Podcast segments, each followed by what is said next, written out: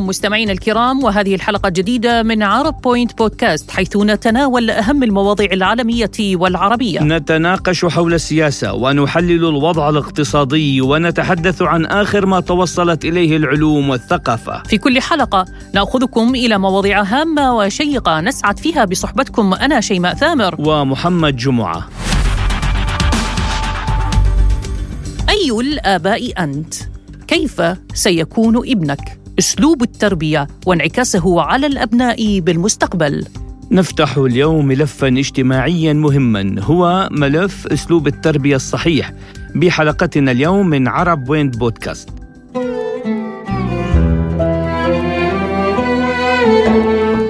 فمنذ قدومهم إلى الدنيا تتشكل مسؤوليتهم التربوية على عاتق الوالدين لتوفير سبل العيش الكريم لهم. تلك البراعم الطرية التي تفتحت من رحم الحياة الزوجية لتتمم سعادة الأسرة وكيف لا وهم زينة الحياة الدنيا وبراءتها. يأتوا إلى الدنيا ليزينوا حياتنا. نربيهم نحصد ثمار التربية عندما نكبر. فإن بررنا بهم بروا بنا. وإن قسونا فقدنا هيبتنا عند المشيب علاقه متينه نحن الجذر بها وهم الفروع.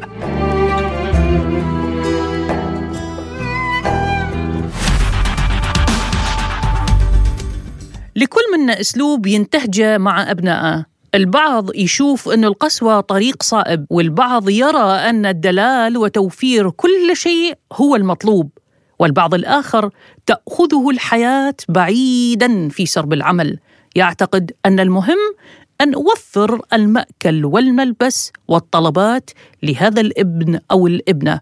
أنا كريم مهندس وعندي شركة مقاولات متجوز وعندي بنت وحيدة اسمها ملك عندها 8 من ساعة ربنا ما رزقني بيها وهي أغلى حاجة في حياتي. كنت مركز قوي في شغلي عشان كنت عايز اامن لها مستقبل. أنا كنت دايما في الشغل مراتي كمان كانت بتشتغل. عشان كده كنا بنسيب ملك فترة كبيرة قوي لوحدها. مع اننا ما كناش حارمينها من حاجة. مشكلتي مع مراتي إن هي كانت دايما مدلعة ملك. وأي حاجة بتعوزها لازم تتنفذ. وأنا كنت شايف إن الشدة مهمة قوي في التربية وعشان كده طلعنا كويس. يمكن المشكلة إن أنا ومر بنعمل كل حاجة ملك عايزها لكنه واجب وعايزين نخلص منه وخلاص. البنت طلبت مننا إن هم يجوا يذاكروا معاها في البيت وافقنا ولا عارفين هم مين ولا ملك عرفتهم إزاي ولا هم ينفعوا أساسا يكونوا أصحاب لملك ولا لأ. وشوية بشوية أصحابها بقى كل حياه لا بتتكلم ولا بتاكل ولا بتقعد حتى معانا. في الفترة ديت حسيت إن ملك بتبعد قوي عننا. فكيف جاءت نتيجة هذه التربية؟ رجعت متأخر بالليل دخلت البيت شميت ريحة غريبة جاية من ناحية أوضة. فتحت باب الأوضة لقيت بنتي الوحيدة اللي ما كملتش 18 سنة بتشرب سيجارة حشيش. كنتش قادر أصدق اللي أنا شايفه. تعمل كده؟ ولما صرت عليها ما دفعتش عن نفسها ولا خاف وكأنها هي اللي بتحكي. قالت لي كلام عمري ما تخيلت إن أنا اسمعه اكتشفت إن هي شايفانا إن إحنا أنانيين وما بنفكرش غير في نفسنا وبس. بعد كل اللي إحنا عملناه عشان ده كان رأيها وإحساسها.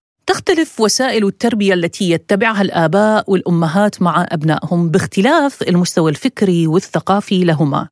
كذلك باختلاف التنشئة التي نشأ عليها كل من الأب والأم.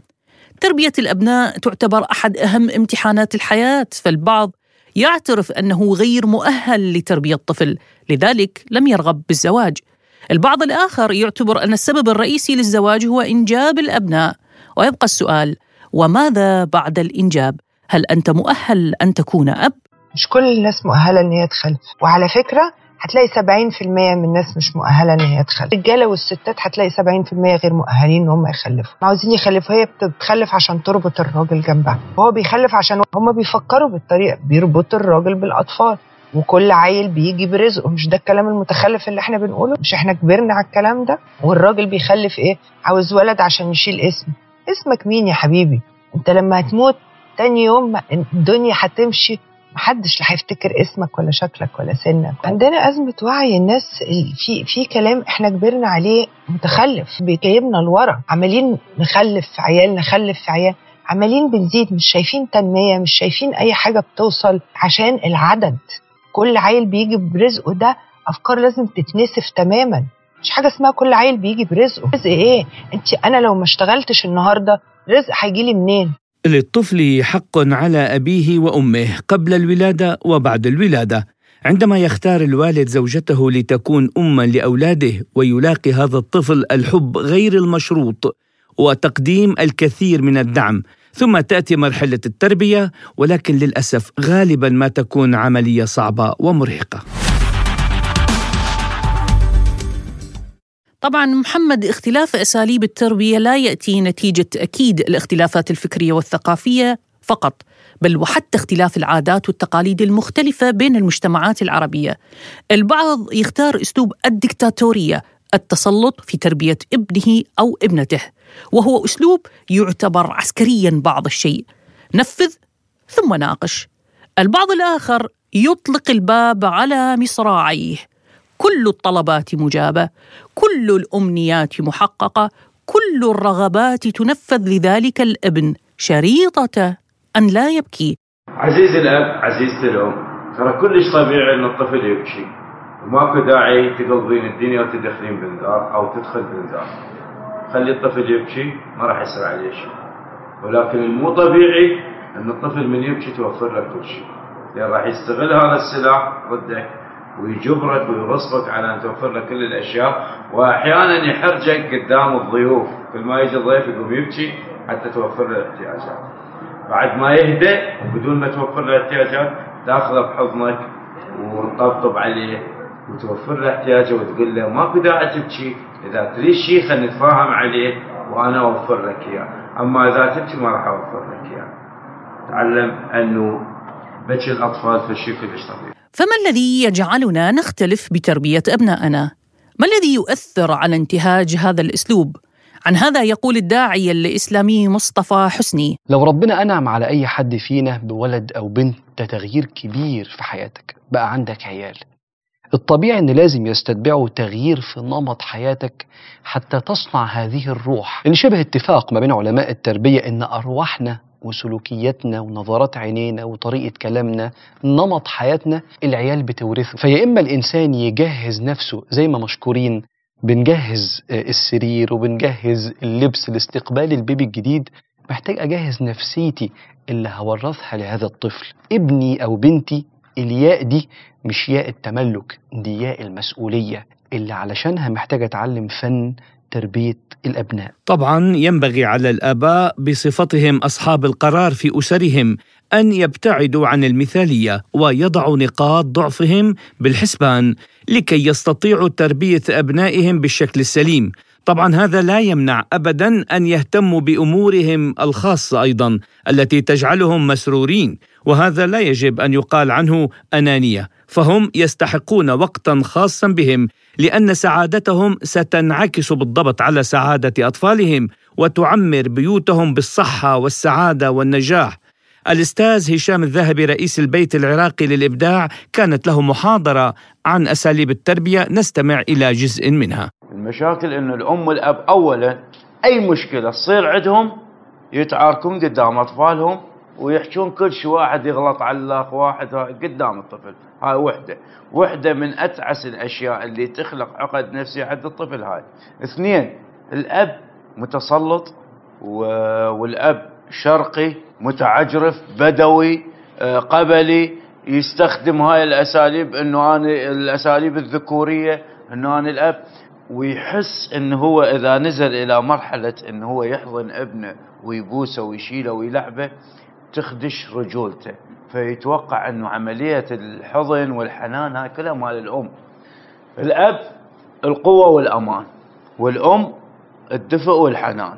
هذني الأشياء إذا ما تحدن ما ممكن يطلع عنا طفل سوي. لازم يطلع عندنا طفل عنده مشاكل وعقد نفسية. الكل يسأل كيف يربي ابنه وينسى هل هو مؤهل لتربية ذلك الابن؟ وكيف تربى هو؟ ما هي الترسبات التي خلفتها تربيته على تربية ابنه؟ لطالما كانت الأسرة هي الهرم الأساسي الذي يتخرج منه الفرد للمجتمع. كلما كانت العلاقة بين الزوجين سليمة منسجمة كلما كانت هذه الأسرة قادرة على إخراج فرد سليم نفسيا كلما كان قطبي الأسرة وأقصد هنا الزوج والزوجة مضطربان نفسيا علاقتهما مليئة بالتناقضات عدم الانسجام مشاكلهما تنعكس على الأسرة. هنا يخرج للمجتمع طفل مضطرب نفسيا غير قادر على اتخاذ قرار الانسجام مع الآخرين بالنسبة له مشكلة يبقى يعاني منها. ما هي وظيفة الطفل؟ وهل هو أيضا يعتبر من دواعم الأسرة؟ عن هذا يقول الأستاذ هشام الذهبي رئيس مؤسسة البيت العراقي للإبداع والذي كان من المفترض أن يكون ضيفا معنا اليوم ولكن اعتذر بسبب انشغاله بمحاضرته يتحدث عن دور الطفل نستمع إلى ما قال. الطفل قضيته أنه يدرس ويعيش ببيئة آمنة ويمارس طفولته ويمارس براته ويكون تكون له كأم وأب الحضن الدافئ والسند لهذا الطفل. هذا اللي يعرفه الطفل. إلى أن يكبر إذا انبنى بهالطريقة هاي راح ينبني لك طفل سوي. أما إذا أنا اليوم عسكري عشرين يوم أرجع بالعشرة أيام اللي يحكي وياي ألعب بيه لعب بالبيت. لا الأم تحكي وياي لا الابن يحكي وياي. 24 ساعة لو نايم لو طالع. ما عندي غير هذا الحل يعني العائلة شنو ذنبها بس أردفته. شوف كل ما تكون علاقتك حميمة بزوجتك كل ما ينعكس على طفلك هي دائرة. الأب يمارس الحنان والعطف والعلاقة الطيبة ويا زوجته زوجته تمارس هاي العلاقة ويا الطفل. الطفل وين يعكسها يعكسها يرجع لك إياها أنه هو بمراحل النمو الطبيعية ويعطيك إنتاج. كل ما تختل علاقتك بزوجتك كل ما وين تأثر؟ على الطفل. إذا اختلت هذه العملية مستحيل ينتج لك طفل. للحديث أكثر عن أفضل أساليب التربية تنضم معنا عبر الهاتف من مصر الأستاذة الدكتورة سامية خضر صالح أستاذة علم الاجتماع بجامعة عين شمس. دكتورة مرحبا بكم معنا بعرب بوينت بودكاست وأشكرك على تلبية الدعوة. يا فندم مرحبا بكم وأنا تحت أمركم أهلا وسهلا. دكتورة بداية تربية الأبناء البعض يسميها من أصعب امتحانات الحياة وأنا شخصيا أتفق. سؤالي دعيني أبدأ دكتورة من علاقة قطبي الأسرة مع بعض وأقصد هنا علاقة الأم والأب وانعكاسها على تربية وتنشئة الأبناء. رائع فعلا شوفي حضرتك إحنا أنا شايفة دلوقتي في المرحلة اللي إحنا عايشين فيها في إشكاليات كثيرة جدا جدا وفي هذه المشاكل لدرجة إن هم دلوقتي بيعملوا على يعني محاولة إعادة التنسيق في القوانين الشخصية والحياة الزوجية والكلام ده كله للمسلمين طبعا. علشان هناك يعني سلبيات كثيرة ونسب طلاق الحقيقة مرتفعة وهذا أمر لم نكن نتعود عليه. والحقيقة أنه إحنا عايشين في عصر سريع قوي وأيضا في عولمة ولم تكن طبعا يعني في مراحل سابقة لم تكن المرأة تنزل العمل بهذا بهذه الكثافة. وكانت وحتى لو نزلت كان دايما الأول حاجة البيت ثم العمل. نحن الآن بنجد أنه هناك خلط ما بين العمل وما بين البيت. لا. ده ده مش مش مظبوط لأنه ممكن جدا الأم تنسق وقتها بحيث أنت تتجاوز سنه سنة ولا سنتين ما تنجبش لغاية ما تبقى شايفة إن هي قادرة تدير المنزل وتستطيع أن تتقرب من الزوجة والزوجه تقرب منها. ثم بعد كده نشوف نجيب طفل بعدين أربع خمس سنين طفل تاني وستوب. لكن ده ما بيحصلش. قد يكون لأن هناك بعض التقاليد اللي تقول لك لا ده أنا لازم أجيب الولد علشان الولد هو اللي هيخليني أنا أبقى قويه في العيلة. وقد يكون إن عشان الولد هو الورث لما يكون الأسرة ما عندهاش الأم ما خلفتش الولد ممكن أهل الزوج يدخلوا في الورث. وقد يكون أيضا إنه موضوع الولد ده حاجة مهمة جدا عشان ما بيقولوا كده تبقى رافعة راسها وهكذا. ده طبعا كلها مجرد يعني أمور المفروض تكون يعني فات عليها زمن وانتهى ولكن ما زالت هذه للأسف العادات والتقاليد السيئة جدا لسه موجودة فبيبقى فيه أو تقول لك ده أنا لسه صغيرة أجيب. يعني ما ينفعش إيه لسه صغيره تجيب يعني بعدين وهذا هذه يعني يعني المسؤوليات على من نلقيها تكون في عشان انت صغيرة. لا ما ينفعش طبعا. فإحنا ما عندنا محتاجين يعني ننشر بعض التنوير والاهتمام إنه آه الولد زي البنت والبنت زي الولد ولكن مهم جدا جدا أن نقول أن آه برضه المرأة عليها أن تكون متفهمة أن الحياة الزوجية فيها مسؤوليات وأن مسؤوليات الأسرة مسؤوليات البيت مسؤوليات ال... يعني الحياة و... وتراكمها ليس سهلا. فإنه برضو الشاب عندما يتزوج ولازم نفهم برضو طبعا أن هي مسؤولية لن يستطيع أن يعيش كما كان يعيش جاست لنفسه يعني متفرغا لحياته متفرغا لخروجه وهكذا.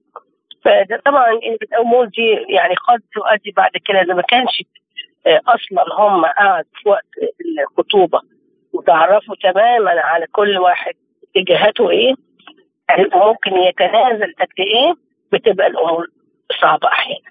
طيب دكتورة سامية في زماننا الآن يبالغ الناس في اتباع أساليب التربية الحديثة.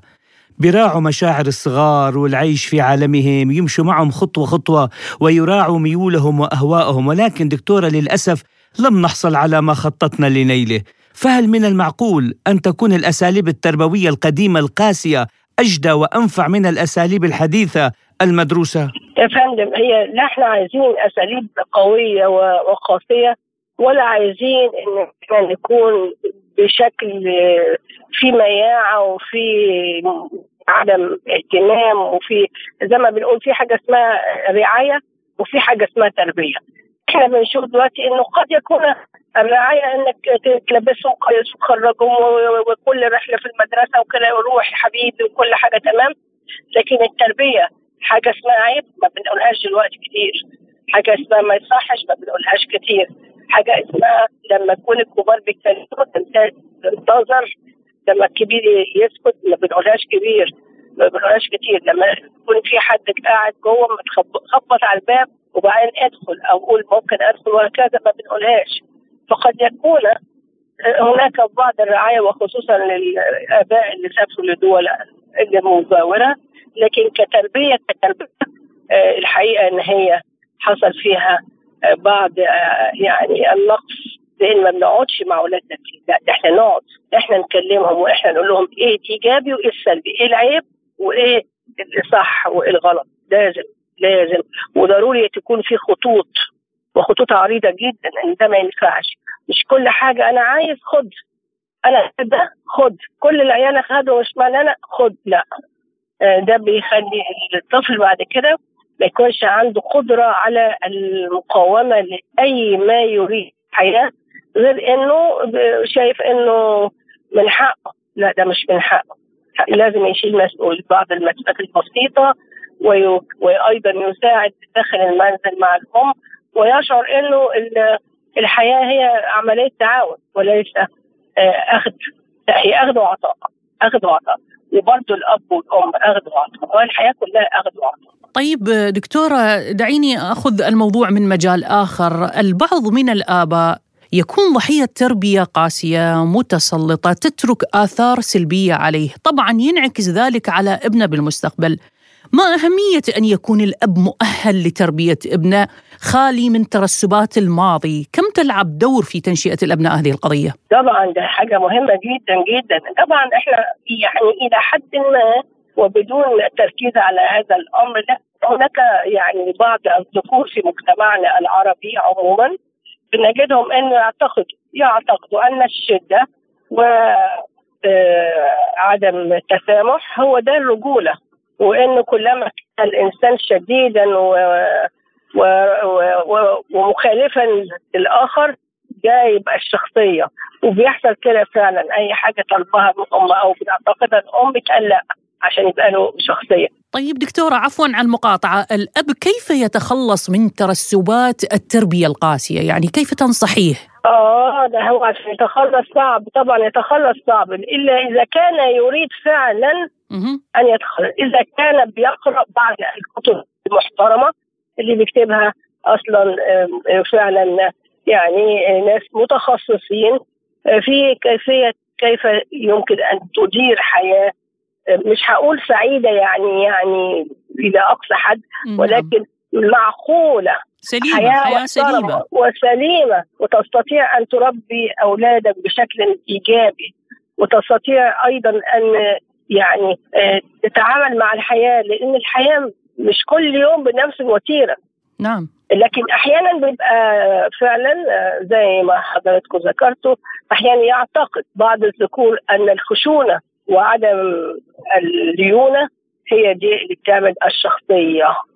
فهنا بيحصل أحيانا تصادم يؤدي إلى إشكاليات وقد يؤدي إلى آه، عدم استمرارية الحياة. عشان كده لازم نقرأ لازم نشوف لازم نتعود على حاجات آه، إحنا مش لازم يكون في بيت أهلنا اللي بيعلمونا بكل حاجة موجوده اتفضلوا ده كان برضه مش مظبوط آه، إحنا زمان كان عندنا يعني يعني حقيقة آه، بعض الحاجات اللي بتطلع كده في التلفزيون أو في آه، الإذاعة بالذات بتعلمنا إزاي ناخد الحياة بشكل إيجابي إزاي نساهم إزاي ما تبقاش الأم اللي بتعمل كل حاجة لازم كلنا نساعد ونساعد بشكل معقول مش بقول نسيب شغلنا ونسيب مذاكرتنا لأ بس على الأقل نشعر ان أننا نعيش داخل أسرة متعاونة آه، معقولة آه، بتخاف على بعضها. بس عشان إحنا نقول إن كيف يتخلص الرجل الشرقي أحيانا ما بقولش كله. دعيني أطرح عليك سؤال آخر وحقيقة هذا السؤال يطرح نفسه دائما. يعني القدماء كانوا لا يعرفون شيئا مما نعرفه نحن اليوم عن التربية ولم يدرسوا ما درسناه ولم يستعملوا ما استعملناه من الوسائل والأساليب إلا أنهم نجحوا أكثر منا فكيف آه، تعلل هذا الموقف؟ آه، الحياة الآن أصبحت مزدحمة وأصبحت سريعة والرغبة في اكتناز الأموال أصبحت أهم من ال ال ال ال ال الوتيرة الهادئة والوتيرة التي يشعر فيها الإنسان بالطمأنينة. فالطمأنينة أيضا تم سرقتها من الإنسان في هذا العصر. إضافة إلى آه، إنه كله بيجري أنا عايز آخد أحسن وظيفة. أنا تعبت النهارده في الشغل أنا مش عاجبني ده. آه، آه، يعني ما بقاش في حاجة اسمها إن أنا يعني آه، ممكن الرضا. الرضا انتهى من ال... بشكل أو بآخر من الحياة. وعشان كده آه، إحنا محتاجين إن إحنا نرجع تاني. كيف تكون راضيا؟ كيف تكون مؤمنا بأنه يمكن أن تعطي حتى تأخذ. لازم تعطي عشان تأخذ. ما بنقولش ده. ثم كان كمان الحقيقة ونقول الحق. ما كانتش الأمهات بتتعمل وهي لو كانت بتعمل يعني بتعمل في شكل تحط الأول البيت والأولاد ثم العمل. أول حاجة ولغاية دلوقتي المفروض كده لكن أحط العمل الأول ما كنتش أجيب أولاد بقى ما ينفعش. فهي حتة الرضا حتة الشعور بالصبر ضروري وحتة إن الحياة ليست مجرد رحلة سهلة أقوم بيها علشان ده يعني لا مش مش رحلة سهلة لكن رحلة فيها الإيجابيات وفيها السلبيات وهي كده ال- ال- الحياة هكذا دائما. طيب دكتورة حضرتك ذكرتي القراءة وهي مهمة جدا لكن هل اليوم المجتمعات العربية تفتقر إلى دورات ورشات تأهيلية للمتزوجين الآن حتى تأهلهم؟ كيف يمكن أن أكون أب صالح أب سليم أخرج ابن للمجتمع سليم نفسيا؟